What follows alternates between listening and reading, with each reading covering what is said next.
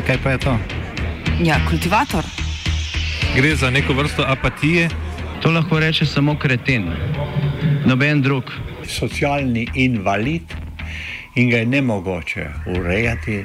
Drugi kandidat. Pa, eh, pa pije, kadi, masturbira, vse kako ti lahko reče. Nihče tega ne ve. Vsak petek skultiviramo dogodek tedna. Lahko po kriterijih radio študent, težko pa po evropskih kriterijih. Ampak na drug način, kot vi to mislite. Kultivator vedno užge. Da pač nekdo sploh omenja probleme, ki so, in da pravzaprav sploh nekdo sproži dogajanje uh, v družbi. To drži, drži. Nas i Amera 300 milijona. Spoštovani, še 32 let nazaj je bila Slovenija še vedno del totalitarne Jugoslavije. Ta levila, kjer danes gostimo ta visoki obisk, je služila slovenski komunistični eliti, medtem ko smo bili drugi takrat v zaporih komunističnega režima. Na sto tisoče naših rojakov je bilo takrat razseljenih po zahodni Evropi, v Severni in Južni Ameriki in Avstraliji. Toda danes je Slovenija samostojna in demokratična republika, kar je rezultat našega boja za svobodo, vladavino prava, človekove pravice in demokracijo. Vendar ta boj ne bi bil uspešen, če istočasno ne bi bila izbojevana zmaga svobodnega zahodnega sveta z Združenimi državami Amerike na čelu napram sovjetskemu režimu, ki je z izvozom totalitarizma za slabega pol stoletja razdelil Evropo, železno zaveso in prizadejal smrt in goreje desetinam, stotinam milijonom ljudi. Slovenci smo zato hvaležni Združenim državam za njihovo dvakratno obrambo in reševanje naše stare celine v prejšnjem stoletju, najprej pred nevarnostjo in grozotami nacizma, fašizma in na to pred tiranijo komunizma.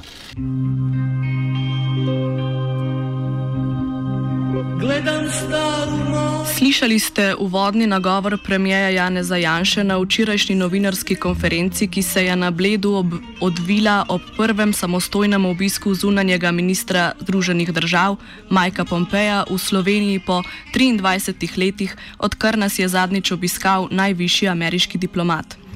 V današnjem kultivatorju bomo obisk zunanjega ministra ZDA poskušali kontekstualizirati z treh vidikov: energetskega, ki je povezan s Pompejevimi sestanki z direktorji slovenskih energetskih podjetij, varnostnega, ki ga osrednji popis me memoranduma o varnosti pete generacije mobilnih omrežij. In zunan, zunanje političnega, torej kaj, če sploh, obisk pomeni za kurs slovenske zunanje politike. Amerika i zlato što Začenjamo z energetiko. Če se je začetek postopkov za predstavitev drugega bloka nuklearne elektrarne Krško, krajše NEK-2, še pred kratkim zdel precej daleč od realizacije, se zdaj zdi, da slovenska država s projektom misli resno. Od obiska nekdanjega premijeja Marjana Šarca v Krškem, ko se je ta zauzel za gradnjo NEK-2, do umeščanja v prostor, ki naj bi se po napovedi začel jeseni, bo minilo nekaj več kot leto dni. Kot pove Primoš Cirman, novinar portala necenzurirano.si, pa projekt NEK2 v zraku pravzaprav visi že več kot desetletje. Leta 2006 je Andrej Vizjak, ministr za gospodarstvo v prvi Janševi vladi, takrat pristojen tudi za energetiko, napovedal gradnjo drugega bloka krške nuklearke, kar pa je še danes donosen posel. Pač Pompejo je tukaj zaradi um, poslovnega vidika. On tukaj ni kot minister, ampak poslovni potnik, kot trgovski potnik. Um, namreč jedrske elektrarne so ogromen posel, gre za reaktorje, so vredni več milijard evrov, gradi se jih ne veliko po svetu in zato je vsak posel uh, toliko bolj vreden. Um, in uh, vsak, vsak tak, vsaka taka naložba pomeni tudi določeno strateško zastavico, kajti ko imaš enkrat jedrsko tehnologijo iz neke države, jo bo ta država vzdrževala, servisirala še 20, 30, 40 let. Skratka, to pomeni tudi te posle. In, in Slovenija je bila vedno nekako vezana na ameriško uh, jedrsko tehnologijo, um, že iz Titovih časov, in zato je pač Pompeo tukaj, zato, da se prepriča, da bo to ostalo tudi v naslednjih desetletjih. Američani bi svoj vpliv lahko poskušali širiti tudi na področju uvoza zemljskega plina v Slovenijo. Kot poroča portal Necenzurirano, je bil na ločenem sestanku Pompeja z ministrom za infrastrukturo, infrastrukturo Jrnejem Vrtovcem, med drugim prisoten tudi Boštjan Napast, direktor Geoplina, slovenske plinske družbe v državni lasti, ki je leta 2018 z ruskim Gazpromom podpisala novo petletno pogodbo o dobavi plina. Kot razlaga Cirman, je Slovenija zaradi naravnih in zgodovinskih razlogov, podobno kot druge srednjeevropske države, pri tem energentu tako odvisna izključno od Rusije. Pričemer je velja poudariti, da je Slovenija kot edina država nekdanjega, bom rekel, um, edina država, edina socialistična država, um, imela um, alternativni vir plina v Alžiriji, ki pa ga je pred desetimi leti opustila in, in se še bolj nekako privezala na Rusijo. Um, zdaj, seveda, um, problem je, kaj je alternativa. Um, plin prihaja iz Rusije, plin prihaja iz avstrijskega vozlišča v Baumgartnu pri Dunaju, kjer je prav tako, seveda, plin iz Rusije. Uh, tretjega vira Slovenija nima in najbolj priročna rešitev tukaj je ta terminal za tekočine naravni plin, ki se bo, to je verjetno zdaj že dejstvo, gradil na otoku Krk. Uh, zdaj, uh, družba plinovodi je v zadnjih letih zgradila neke plinovodne povezave do Hrvaške meje, ki omogoča pretok tega plina.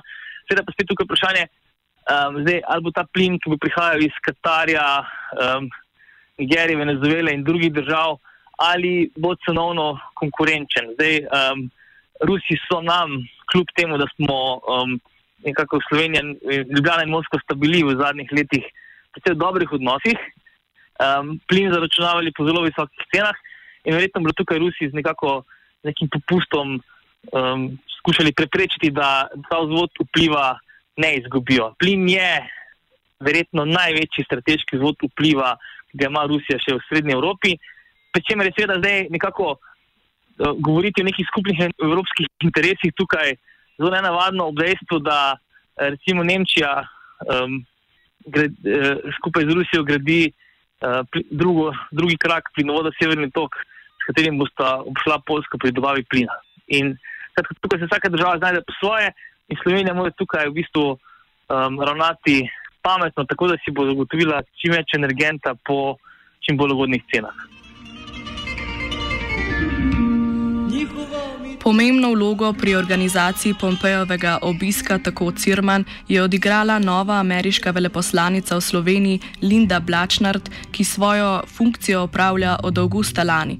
Med njenimi prioritetami delovanja pa naj bi bila prav energetika. Cirman opozarja, da je za obiske, kot je bil včerajšnji sestajanje s predstavniki podjetij v energetiki, nenavadno. Zagotovo pa tudi, seveda, ni nekako um, v pogosti praksi, da zdaj nek zunani minister govori s predstavniki nekih energetskih podjetij v tej državi na svojem obisku. To se običajno dela v sklopu nekih eh, večjih dogodkov, nekih konferenc. Tu pa je danes šlo za neko, neko rekel, nekovaj politično nastavo, kot se reče v Dani Jugoslaviji, v kateri je verjetno Pompeo um, pač povedal tem direktorjem, um, kakšni so ameriški interesi in zakaj bi morala Slovenija upoštevati. Nadaljujemo s podpisom skupne izjave Slovenije in Združenih držav Amerike o varnosti omrežji 5G, kot se uradno imenuje memorandum, ki sta ga podpisala zunanja ministra Mike Pompeo in Anže Logar in ki je bil osrednji namen Pompejovega obiska. Besedilo memoranduma določa, da je treba preveriti ponudnike in dobavitelje tehnologije 5G, pri čimer je v ospredju transparentnost njihovega lastništva, spoštovanje pravic intelektualne lastnine in zavezanosti zakonodaji, ki zahteva transparentnost korporativnega upravljanja. Podobno iz izjavo so ZDA še pred časoma podpisale s Češko, Polsko, Romunijo, Estonijo in Latvijo. In zakaj pravzaprav gre pri 5G? Prednosti prebojne tehnologije predstavlja Matjaš Ropret, urednik tehnološkega portala Tehnozvezdje. Kar se pa tiče prednosti, je pa tako za običajne uporabnike, predvsem v tem, da bodo više hitrosti v mreži, pa krajši dostopni časi. Um, to se pravi, da se bodo stvari začele hitreje nalagati, ko bo recimo, uporabnik šel na neko spletno stran ali kaj podobnega, um, ali pa ko bo igral igre ali pa še kakšne druge stvari. Um, predvsem je pa dobrobit uh, te tehnologije za uporabo v poslovnih okoljih, pa industrijskih in uh, podobnih zadevah, ker bo res omogočala priklop veliko večjega števila naprav, pa še ena velika prednost je to, da se bo dal ta omrežja deliti na neke neodvisne plasti, tako da bodo lahko ti posamezne uh, vertikale, posamezne infrastrukture delovale dosti neodvisno ena od druge. Recimo samo vozeči avtomobili, ta infrastruktura za recimo, prometna ali pa za pametna mesta, pa to bo lahko predvsej neodvisna od uh, teh mobilnih omrežij, ki jih bomo uh, normalni uporabniki uporabljali. Merjenje moči med ZDA in Kitajsko, odkudar izvira vodilno podjetje na področju tehnologije 5G in drugi največji proizvajalec pametnih telefonov na svetu Huawei, se dogaja prav na njihovih plečih.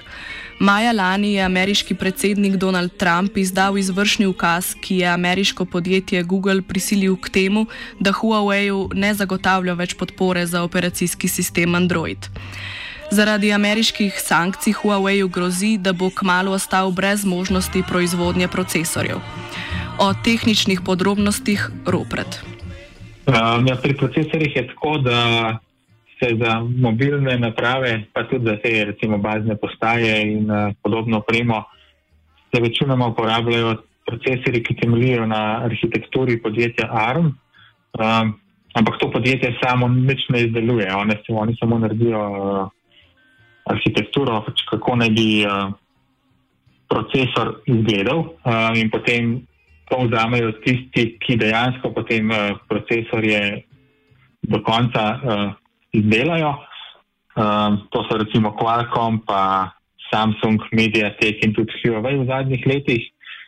In potem oni dokončno dodajo še temu uh, sistemu na čipu, kot se reče, ker ni to samo procesor, ampak so še druge stvari zraven. Uh, dodajo še razne omrežne komponente, pa umetno inteligenco in podobne stvari, in potem to spet pošljajo naprej nekomu, neki tovarni, da to izdela.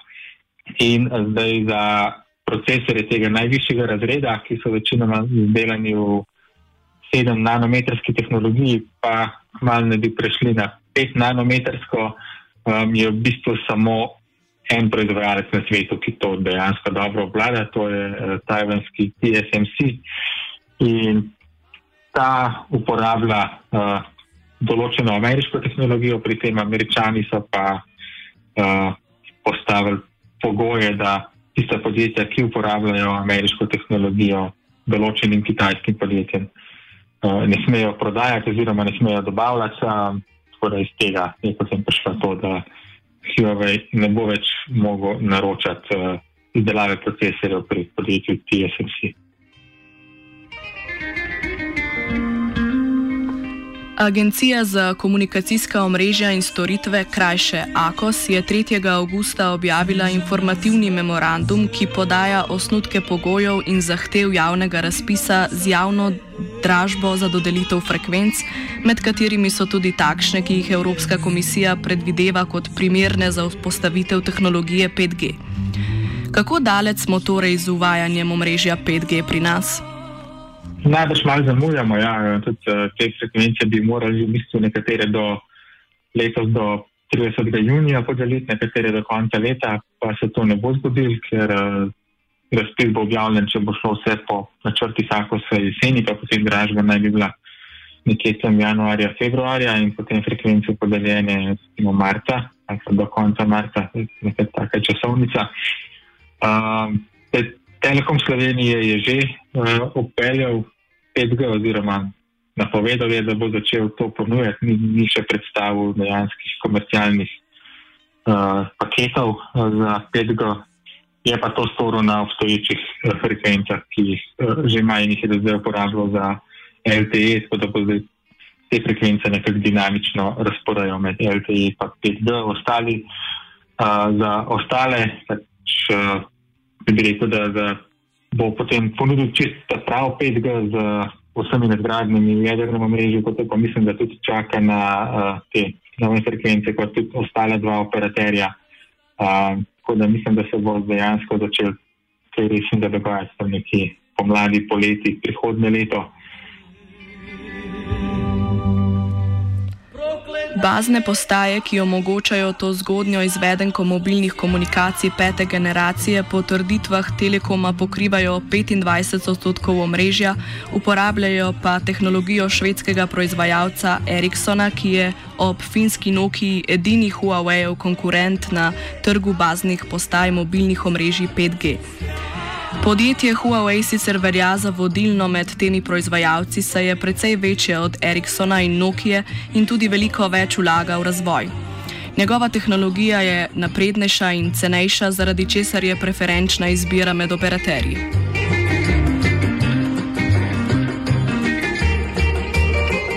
Kot že omenjeno, so sankcije, ki so jih ZDA uveljavile proti kitajskim tehnološkim podjetjem, uperjene predvsem proti podjetju Huawei. Čeprav pod, podpisani memorandum Huawei izredno ne omenja, v prvi vrsti leti prav nan. Za ZDA širjenje kitajske tehnologije po svetu v državah, ki jih dojema kot svoje interesno območje, prenaša strah. S Tysonom Barkerjem, direktorjem pri nemški izpostavi ameriškega think tank inštituta Aspen, smo se pogovarjali o tem, česa je polno okoli tega strahu in kako velike oči ima. Najprej ostaja strah, da bi do občutljivih zaupnih podatkov, ki bi se pretakali prek Huawei-eve tehnologije, lahko dostopale kitajske oblasti, saj ne bi bilo zaupanja vrednih varoval, ki bi to preprečevale. So, uh... So the, the current fear is that the 5G technology being developed by Huawei could have the potential for what they call packet sniffing, which is basically if you create core networks, these are the big, um, the big uh, highways for uh, information that flow, you know, globally and then it has many tributaries, many tentacles that go into individual uh, cities and go into individual uh, households, obviously, and uh, you know into uh, even to retail to people's phones. Those are those are the smaller little tributaries, but that all comes together in massive uh, kind of pipelines of information. And by uh, having technology developed that had the ability to trace, monitor, reroute, um, uh, observe, surveil uh, information flying on those networks, on those pipelines, uh, could provide a kind of panopticon uh, for Chinese intelligence. And when the United States and Europe and others look at the security laws in China, which have certain requirements for Chinese companies, requiring that the companies provide access to important data not uh, you know, and important data is is very vaguely defined. Wherever they are in the world, then the way that uh, countries like the United States have interpreted that is that this there is a mandate already for Huawei and CTE to make sure that they have access to every piece of data that they touch for the Chinese uh, intelligence and security services. Nadalje po besedah Bakerja ostaja grožnja, da bi Kitajska z dostopom do občutljivih podatkov zahodnih podjetij, denimo patentov ali druge intelektualne lastnine, ki ne bi bili primerno varovani, te uporabila v svoj prid in si zagotovila konkurenčno prednost. But that's not the only threat. It's, it, and it's not just a kind of intelligence threat, there's also an economic espionage threat. Uh, the Chinese are well known to be, um, let's say, somewhat uh, lax in their protection of intellectual property and aggressive in their willingness to uh, pilfer uh, intellectual property for the competitiveness of their indigenous co- uh, companies. So there's also the belief that by using this technology, you're giving the Chinese the tools to essentially uh, steal and replicate uh, the crown jewels of German, European, and American competitiveness.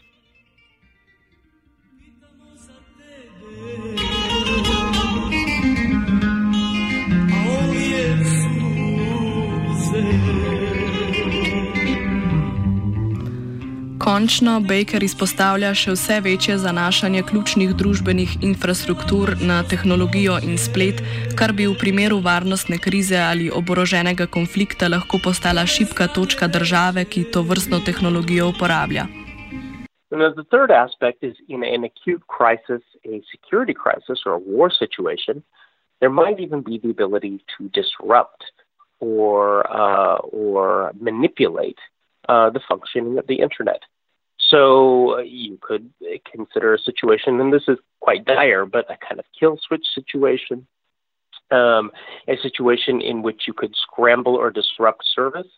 And as more and more technology becomes networked, be it hospitals, be it autonomous driving, be it smart homes, uh, be it even medical devices that we have embedded in our bodies, the ability to manipulate this kind of connected IoT is not just a question of security, it's a question of physical safety.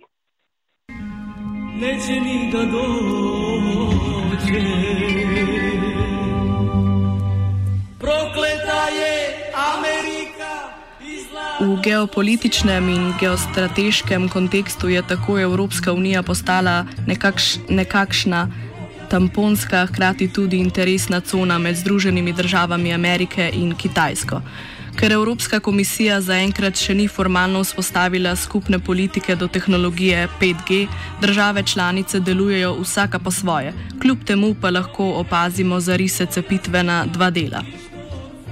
Well, what we're seeing right now is in the digital great game, in the technological, I don't want to say Cold War, but the technological tensions that have developed between the United States and China, uh, Europe is a very is a deeply contested space, and in the battle for Europe between uh, the United States and and China, uh, different EU member states, and particularly, and this is very acutely felt in Central Europe, are taking very different positions. So you have some uh, states like uh, the Czech Republic, like Poland, who are more hawkish, more skeptical on, and and have, especially in Poland, in the case of Poland, have greater equities that they want to preserve in their relationship with the United States related to security vis-a-vis Russia.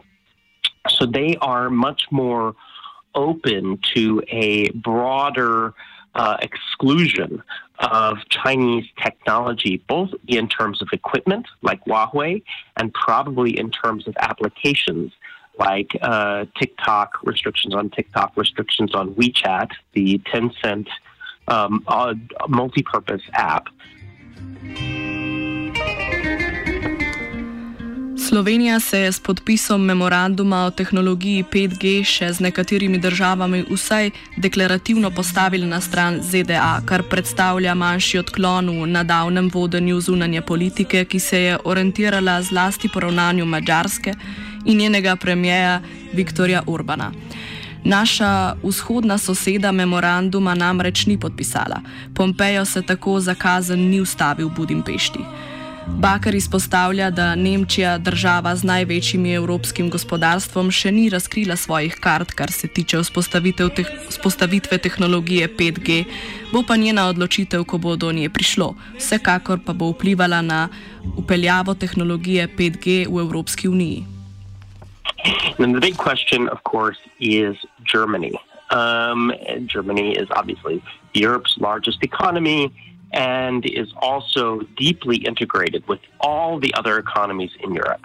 So, where Germany goes de facto, most other European countries are going to go, whether they want to or not.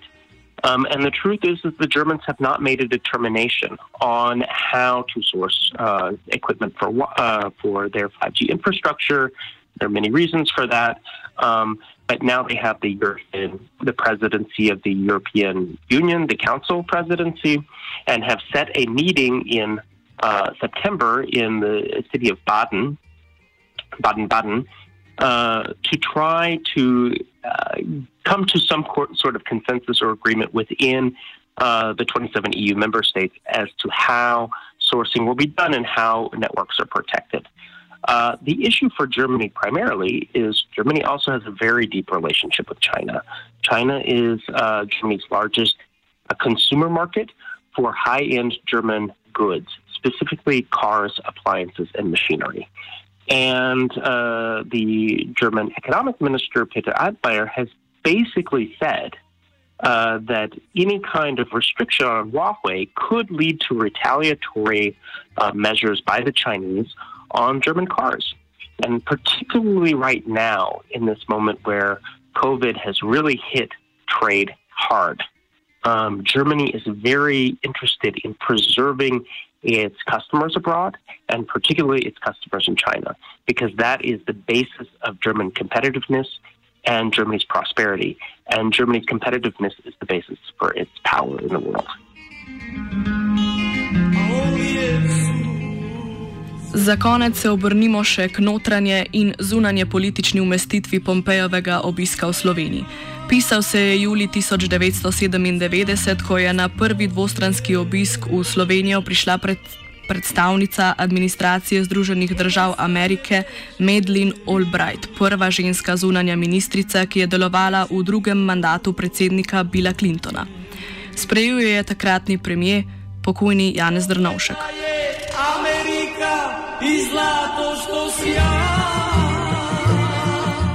Ameriški administraciji poletni obisk Slovenije očitno leži. Vsa ostala srečanja so se odvila v mesecu juliju. Leta 1999 je takratni predsednik države Milan Kučan sprejel Bila Clintona. Leta 2001 se je njegov naslednik George Bush mlajši na Brdu pri Kranju srečal z ruskim predsednikom Vladimirjem Putinom. Leta 2008 se Bush mlajši v okviru vrha Evropske unije ZDA sreča s premijejem Janezom Janšo in predsednikom Danilom Tirkom. Na zadnje pa je lani v okviru pobude treh mori Ljubljano obiskal ministr za energetiko Rick Perry. Bogomil Ferfila, profesor v z Ljubljanske fakultete za družbene vede, Pompejev obisk uvršča v turnejo, v okviru katere se je uvrstil še na Češkem in danes v Avstriji, na to pa bo obiskal še Polsko. Njegova turneja sodi v kontekst ameriš ameriške protikitajske politike, ki se še dodatno zaostruje s približevanjem predsedniških volitev v ZDA. To je bil predvsem v veliki meri obisk eh, v funkciji volilne predsedniške tekme, kjer eh, sedanjemu predsedniku Trumpu precej voda teče v grlo.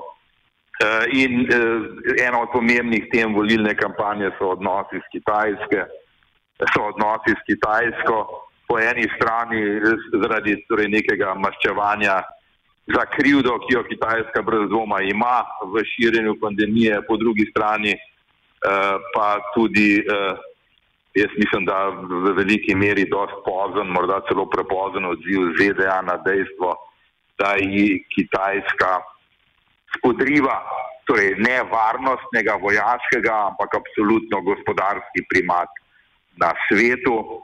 In iz obeh teh razlogov je, je sedaj torej, Trump oziroma ZDA v predsedniški administraciji v neki ofenzivi zoper kitajski vpliv.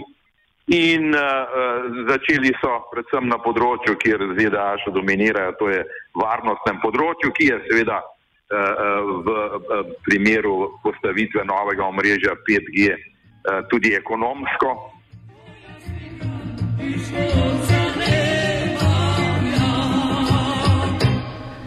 Slovensko zunanjo politiko v Sloveniji določa deklaracija o zunanji politiki, ki jo je leta 2015 sprejel državni zbor. Če smo bili v prejšnjih letih, sploh ko je funkcijo zunanjega ministra opravljal Karl Rjavec vajeni tesnejših odnosov z Rusijo, se je službovanjem Mira Cerarja v mladiki fokus počasi obračal čez lužo. Frfila kljub temu ne verjame, da bi Pompejev obisk lahko razlagali kot začetek proameriške politike, saj Slovenija dolgoročnejše povezovanje z zahodnimi državami in zvezo NATO od osamosvojite dalje uvršča v center svoje zunanje politične strategije. Zdaj, ja, veste, kot sem že rekel, ne, morate vedeti, da slovenska zunanja politika je v veliki meri odraz eh, barve vlade oziroma barve vladne koalicije. Morate vedeti, da tudi diplomati, ki zastopajo Slovenijo v tujino, so funkcija vlade. A veste, ko je, ko je na, na, na, na oblasti ena vlada, gredo ven eni diplomati, ko je na oblasti druga vlada, gredo ven drugi diplomati. Tako da, tako da eh, tukaj je ta politika, kot sem že rekel, dokaj, dokaj odvisna od barve vlade. Kultiviral je žiga.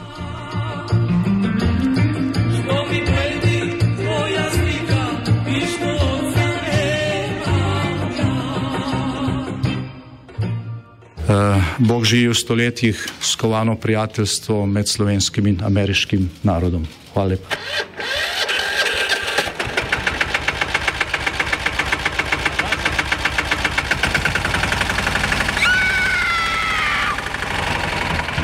E, kaj pa je to?